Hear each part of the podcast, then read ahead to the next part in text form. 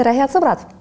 täna on põhjust kõnelda kunstist, sest kunst on kuum poliitiline teema ja miks see nõnda on juhtunud, sellepärast et üks nõmik, kui kasutada Johannes Aaviku sõna ignorandi kohta, sai Pärnus maha ühe suurepärase etteastega, mille üle paljud naersid, aga tegelikult on poliitiline hindamine kunsti puhul erakordselt problemaatiline. stuudios on kõige poliitilisem kunstnik Eestis praegu üldse, Urmas Viik, tere tulemast. aitäh.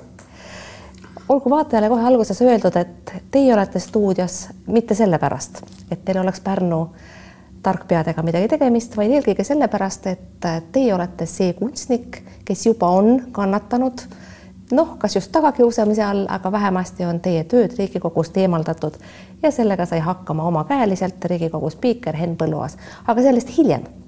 alustagem ikkagi sellest Pärnu juhtumist.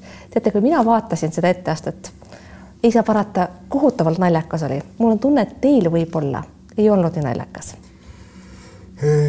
ei, oli ikka naljakas, aga noh, ma kõhklesingi tükk aega, kui, kui selle kutse siia saatesse sain, et, et kas sellisele nagu ülimalt kentsakale pretsedendile üldse nagu tasub tähelepanu pöörata, et tal on tegelikult niigi palju äh, juba tähelepanu pööratud, aga siis mõtlesin jah, et tõepoolest, et selle nii-öelda munitsipaalpoliitiku näol ei ole tegemist ainult poliitikuga, vaid vaid ka sellise inimesega, kellel on teatud võimuraasukesed peos ja, ja noh, ilmselt tal on ka mingi voli midagi natuke käskida, midagi keelata, midagi lubada.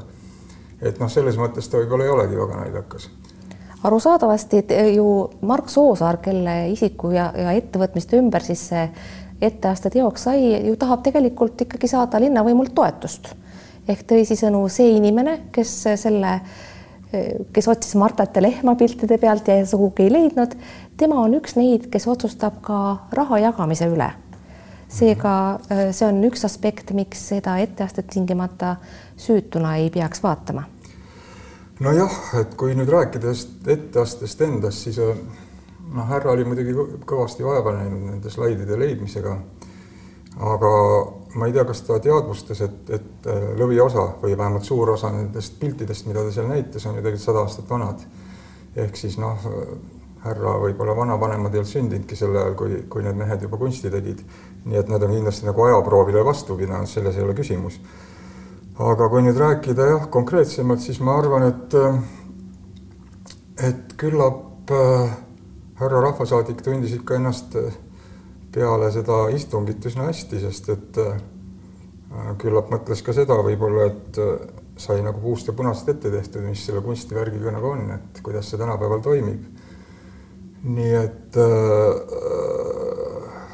küllap olid rahul ka tema valijad. jah, oma jah, oma väiksed sellised äh, hetked või noh, säravad hetked elus, et võib-olla see oli üks neist siis äh, aga jah, et äh, ma arvan, et tegelikult selline mm, puudulik või kunstiharidus või, või siis üleüldse teadmised kunstivallast ei, ei lubanud ikkagi ennast mingisse konteksti paigutada, sest et tegelikult on ju mm, palju mastaapsemad vaimsed eelkäijad. noh, tuletame siin meelde äh, näiteks Nikita Hruštšovi, kes siis äh, kuuekümne teisel aastal laamendas Moskva, Moskvas avangardistide näitusel kus muuseas esines siis ka Eesti kunstnik Ülo Sooster, äh, sõimates siis äh, kogu seltskonda pederastideks, lubades nad saata äh, vangilaagritesse, vangidesse, kuhu, kuhu iganes, vanglatesse, nii et, et see Hruštšovi selline etteaste on, on teada noh, sellise, sellise äärmusliku või markantsena.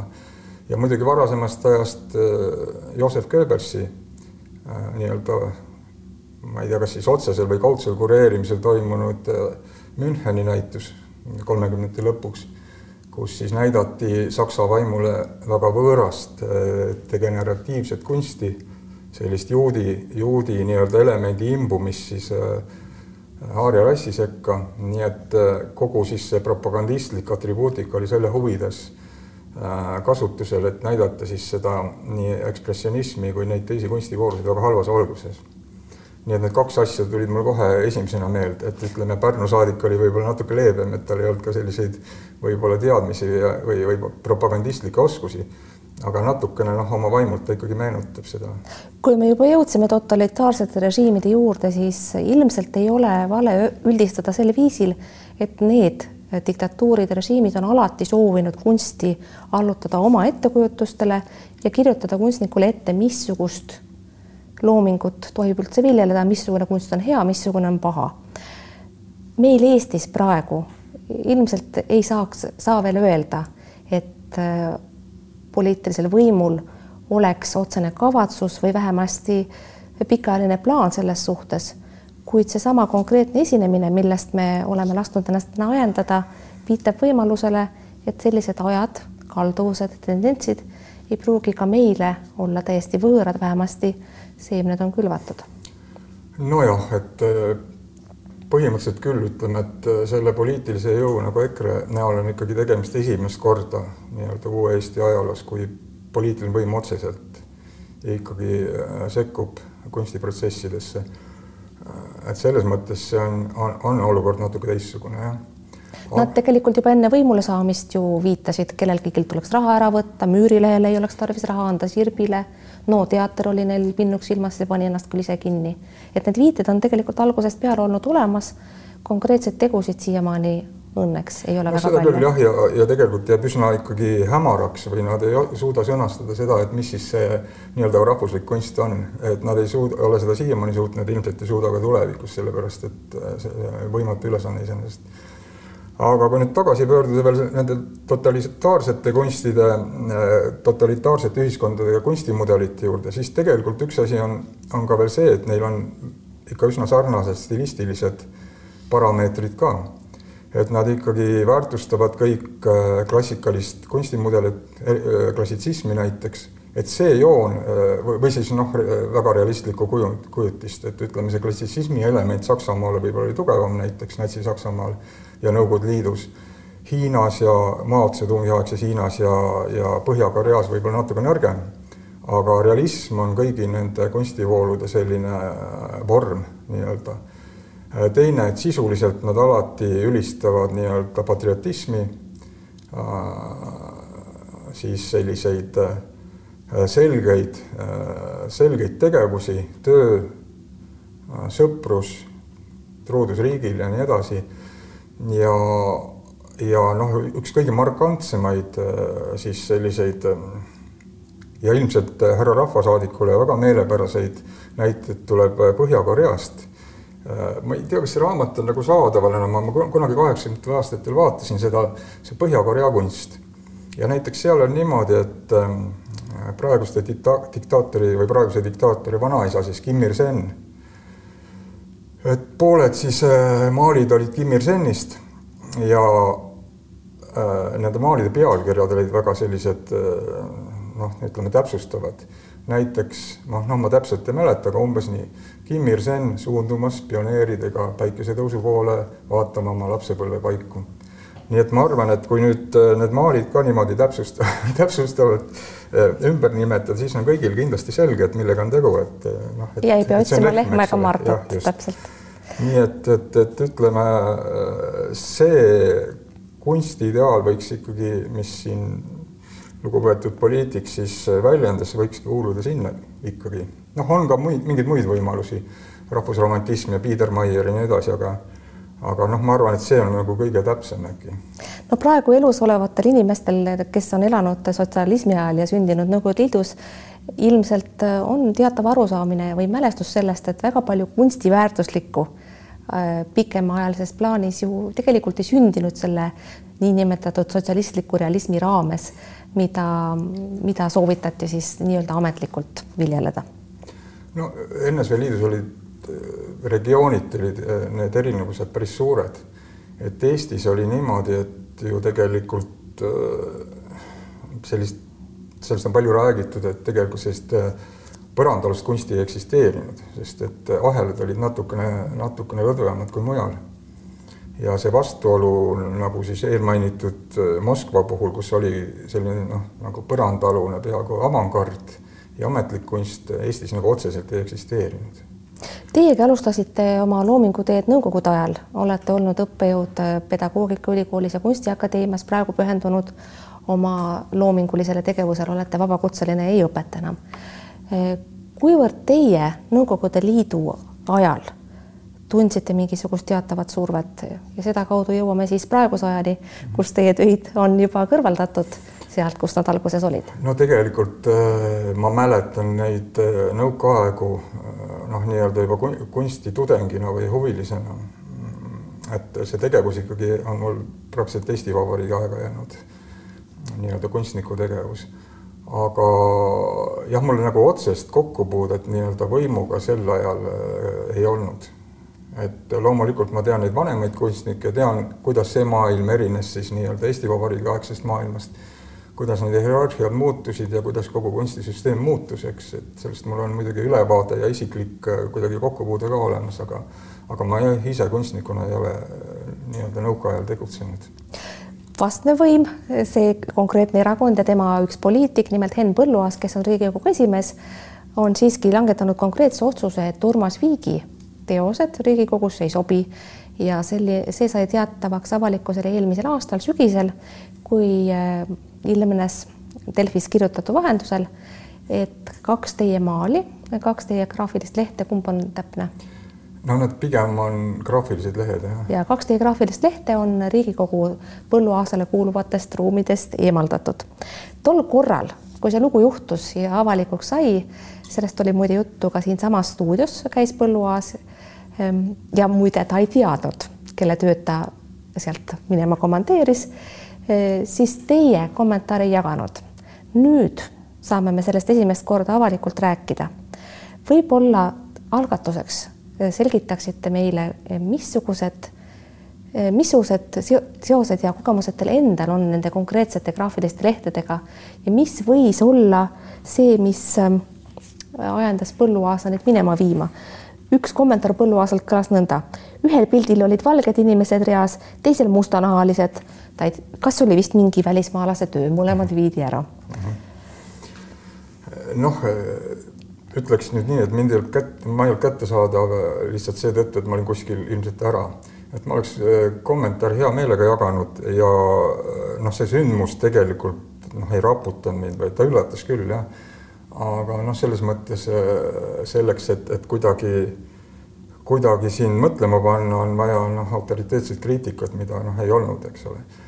Ei saanudki olla ja äh, ja loomulikult, et noh, kunstnikule toob see tähelepanu, et see oli telefonikõnedest hiljem näha kohe.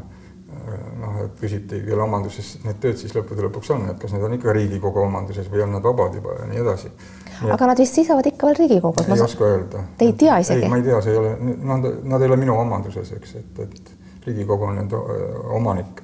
Te saite kõnesid, et neid sooviti ära osta? jah, just. Aga no ma räägin natukene sellest, et noh, tegemist ei olnud kõrvalt kuulates võib jääda mulje, et tegemist oli mingite paduradikaalsete töödega.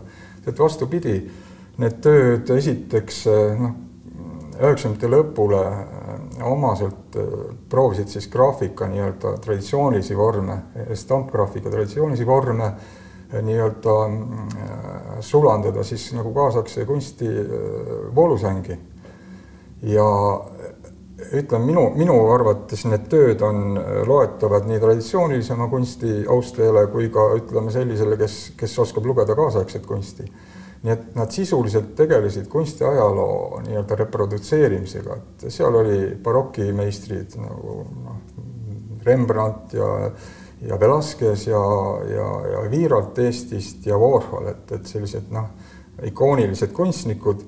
Ja, ja, ja need tööd olid, miks ma siis ütlesin, on pigem graafika, sest nad tegelikult iga töö oli noh, sisuliselt originaal Nad olid trükitud mingil primitiivsel erimeetodil äh, oma valmistatud paberile. nii et nad tegelikult on sellised paksud massid, mitte õhukesed lehed. nii et nad noh, visuaalselt võib-olla meenutavadki maale. ja mustad ja valged inimesed olidki Velasquez printsess Margaritat, tähendab, kellel oli siis soengut natukene disainitud äh, noh, lugupeetud Riigikogu spiiker, kes ennast noh, kes arvestuskunstnikuna peaks ju teadma natuke kunstiajalugu ka, noh, võib-olla oleks võinud huvi tunda, mis, mis need tähed seal tähendavad ja ja kes need seal peal on, et. ta ei tundnud huvi, ta nägi ainult musti ja valgeid inimesi, kes teda ärritasid. muide, Põlluaas pani sinna teie tööde asemele omad maalid ja oma abikaasa teosed. Te olete neid ehk näinud, ma loodan? ei, ma ei, ma olen repro kuskilt foto pealt lihtsalt näinud neid, jah. Kas niimoodi foto pealt näge, nägemise kaudu on võimalik anda ka mingit hinnangut nende kunsti väärtuslikkuse kohta? no ei ole, ega, ega kunsti väärtuslikkus tek, tekib ju ikkagi mingi tegevuse tulemusel et ma noh, ma ei suuda isegi tegelikult pahandada kuidagi selle peale, et ta nüüd oma tööd ja oma perekonnaliikmete tööd sinna pani, sest et et noh, muidugi harrastuskunstnikul ongi vähe ju võimalusi kunstnikuna silma, silma paista või, või ennast väljendada, et noh, selles mõttes on ju tegelikult päris hea öelda, et seal võib-olla käib rahvast läbi, et kelle tööd, minu enda tööd, te olete ka maalija. Äh,, olen. Noh ega kes meist edev ei oleks, eks.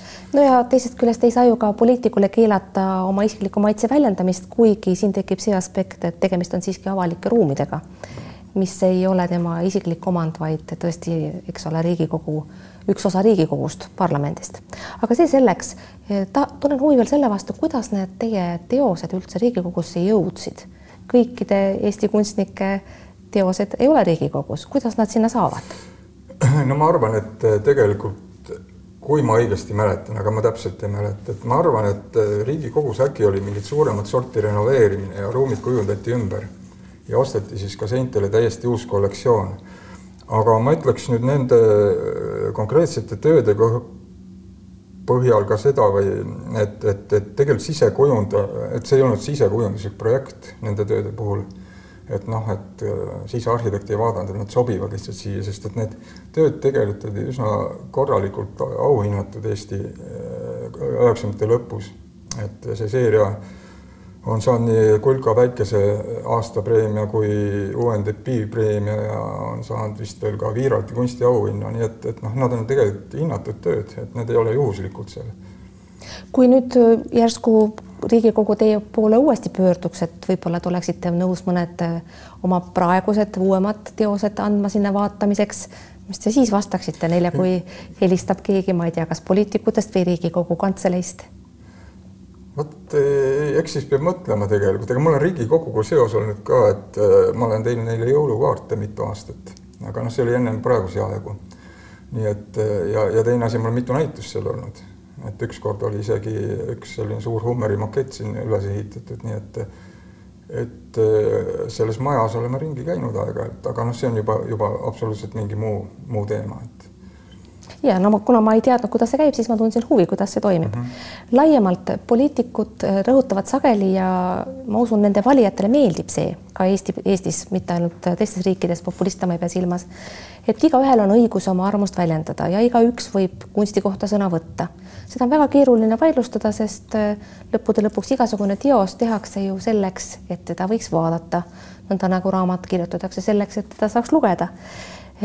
Äh, kust peaks jooksma see piir, kus lõpeb poliitiku isiklik arvamusvabadus ja hakkab survestamine, määramine, missugune kunst on hea, mis meie eelmist äh, kõne, kõneluse eelmist osa arvestades võib varem või hiljem viia välja totalitaarsete ilminguteni? noh, kunstnik võib ju rääkida või poliitik võib ju rääkida, mis sülg suhu toob, eks ole, et kui sellele ei järgne iseenesest mingeid konkreetseid tagajärgi. No ma arvan, et siin on ka kunstispetsiifika omal kohal, et, et ütleme, kunsti on tegelikult rumalal inimesel lihtne kritiseerida. noh, võtame nüüd näiteks, et Arvo Pärt no lööd mõnikord paar korda vastu klahvi sõrmega, kas see on muusika? on see muusika?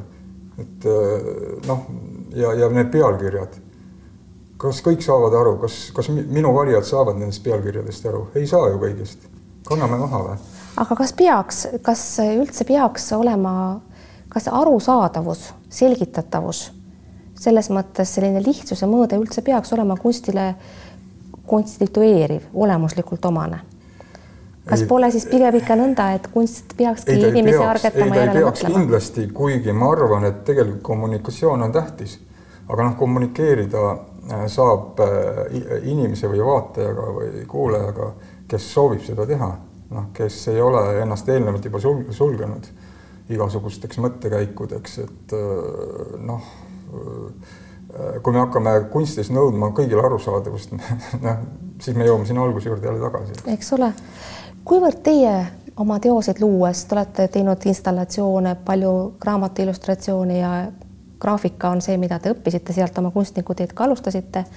kui palju te mõtlete luues selle inimese peale, kes teie teoseid vaatab, kui relevantne ta teie jaoks on loomise protsessis? no eks ta kuskil kuklas äh, ikkagi tiksub, see, see anonüümne vaataja. aga noh, kuna mina tegelen väga erinevate asjadega, et antud hetkel ma olen põhiliselt hõlvatud sellise nagu koomiksi ja animatsioonilaadsete projektidega, mis on, mis on nagu rahvusvahelised. et, et siis ma tegelikult äh, töötan ka sellisel moel nagu üks disainer, et ütleme või, või, või filmioperaator, kellele ikkagi antakse teatud suunised, et, et ka nii on võimalik tegutseda. aga noh, isiklikud projektid, seal on ikkagi see, et, et ma arvan, et kes ütleb, et ta nagu üldse ei mõtle oma vaatajale, et see vist ei ole siiras. Arusaadav, sellega seoses ole, tuli mulle viimati Estonia teisel rõdul istudes meelde see kuulus ütlemine kunst kuulub rahvale, mis teatavasti Nõukogude ajast on pärit ja muide Estonias ilmsesti seal ka sellest ajast seisab. teisel rõdul istudes on see parasjagu just mhm. silmade kõrgusel. see on midagi, mis võiks olla ka lähedane seisukoht ka sellele konkreetsele Pärnu ignorandile no.. aga kuivõrd peaks kunst üldse rahvale kuuluma? aga kes see rahvas on? see on hea küsimus, defineerigem et see. see, selles, sellest küsimus algabki, et kes see rahvas on, et et kui näitusel tuleb inimene, kes äh, mõistab ja, ja, ja publik, ütleme, äh, keda, kunstipublik, keda on vähe, et kas nemad siis ei ole rahvas või? et kes see, kas, kas rahvas on see, kes on üle viiekümne protsendi või, või noh, ma ma ma ei tea, see, see kunst või see, see rahva mõistet kasutatakse pidevalt väga populistlikus võtmes, nii et, et no konkreetsed poliitikud muidugi eeldavad, et see rahvas ongi nende valijad kuid kas on kellelgi teisel peale nende nimetatud poliitikute üldse mingisugune legitiimne võimus öelda, kes see rahvas peaks olema? no see on hea küsimus, et ma arvan, et, et ei ole, tegelikult ei ole. Nii et, et noh, see teebki äh, Pärnu poliitiku valijatele noh, nagu kunsti või ka, kaasaegse kultuuri tarbimise keeruliseks. arusaadav mm. -hmm lõpetuseks meil on jäänud paar minutit, mõni sõna ka teie praeguste tegemiste kohta. vaatasin, et äh, peale kõige muu, mis juba sai nimetatud, olete te ka väikest viisi mõisnik. Äh, olete uuendanud Kuivastu mõisa, selle, õigemini selle abihooneid, sest peahooned, nagu ma saan aru, pole säilinud. kuivõrd on see osa teie elamise ruumist, kuivõrd on see kunstiprojekt? no nii natuke mõlemat, aga mõisnik ma kindlasti ei ole, et ma olen küll ehitanud selle Kuivastu mõisa jäänukid ülesse omal moel ja seal on noh, terve keskkond tekkinud, aga aga seal on mul väike galerii ja, ja, ja selline, selline, selline nagu enda ja oma pere järgi korraldatud maastik, ütleme nii. Ehm, isegi suurem osa võib-olla ajast olen seal. Et tegelikult noh, tänapäeval need distantsid on nii väikesed, ma arvan, ma jäängi niimoodi Tallinna ja Muhu vahelt jõlkuma. Ja, ja muideks, et võib-olla ka lõpetuseks öelda, et et mina ei ole kaugel nii-öelda rahvakunstist, et mul on ka selle Muhu teemaga olnud päris mitu näituse projekti ja, ja, ja mind huvitab see, aga muidugi mitte mingisuguse sellise reprodukti-, reproduktiivse tegevusena, vaid ikkagi nagu edasiarendusena Urmas Viik, suur tänu, et tulite stuudiosse rääkima kunstist. mul on hea meel, et me lõpus kohtusime, kuigi mitte selle esimese ajandi korral, see läks meil vett vedama. praegu me saime juttu ajada ja mul on hea meel. ja sõbrad, suur aitäh, et te vaatasite ja kuulasite. vaadake teinekord ikka jälle, mingu teil vahepeal hästi. Kuulmiseni, nägemiseni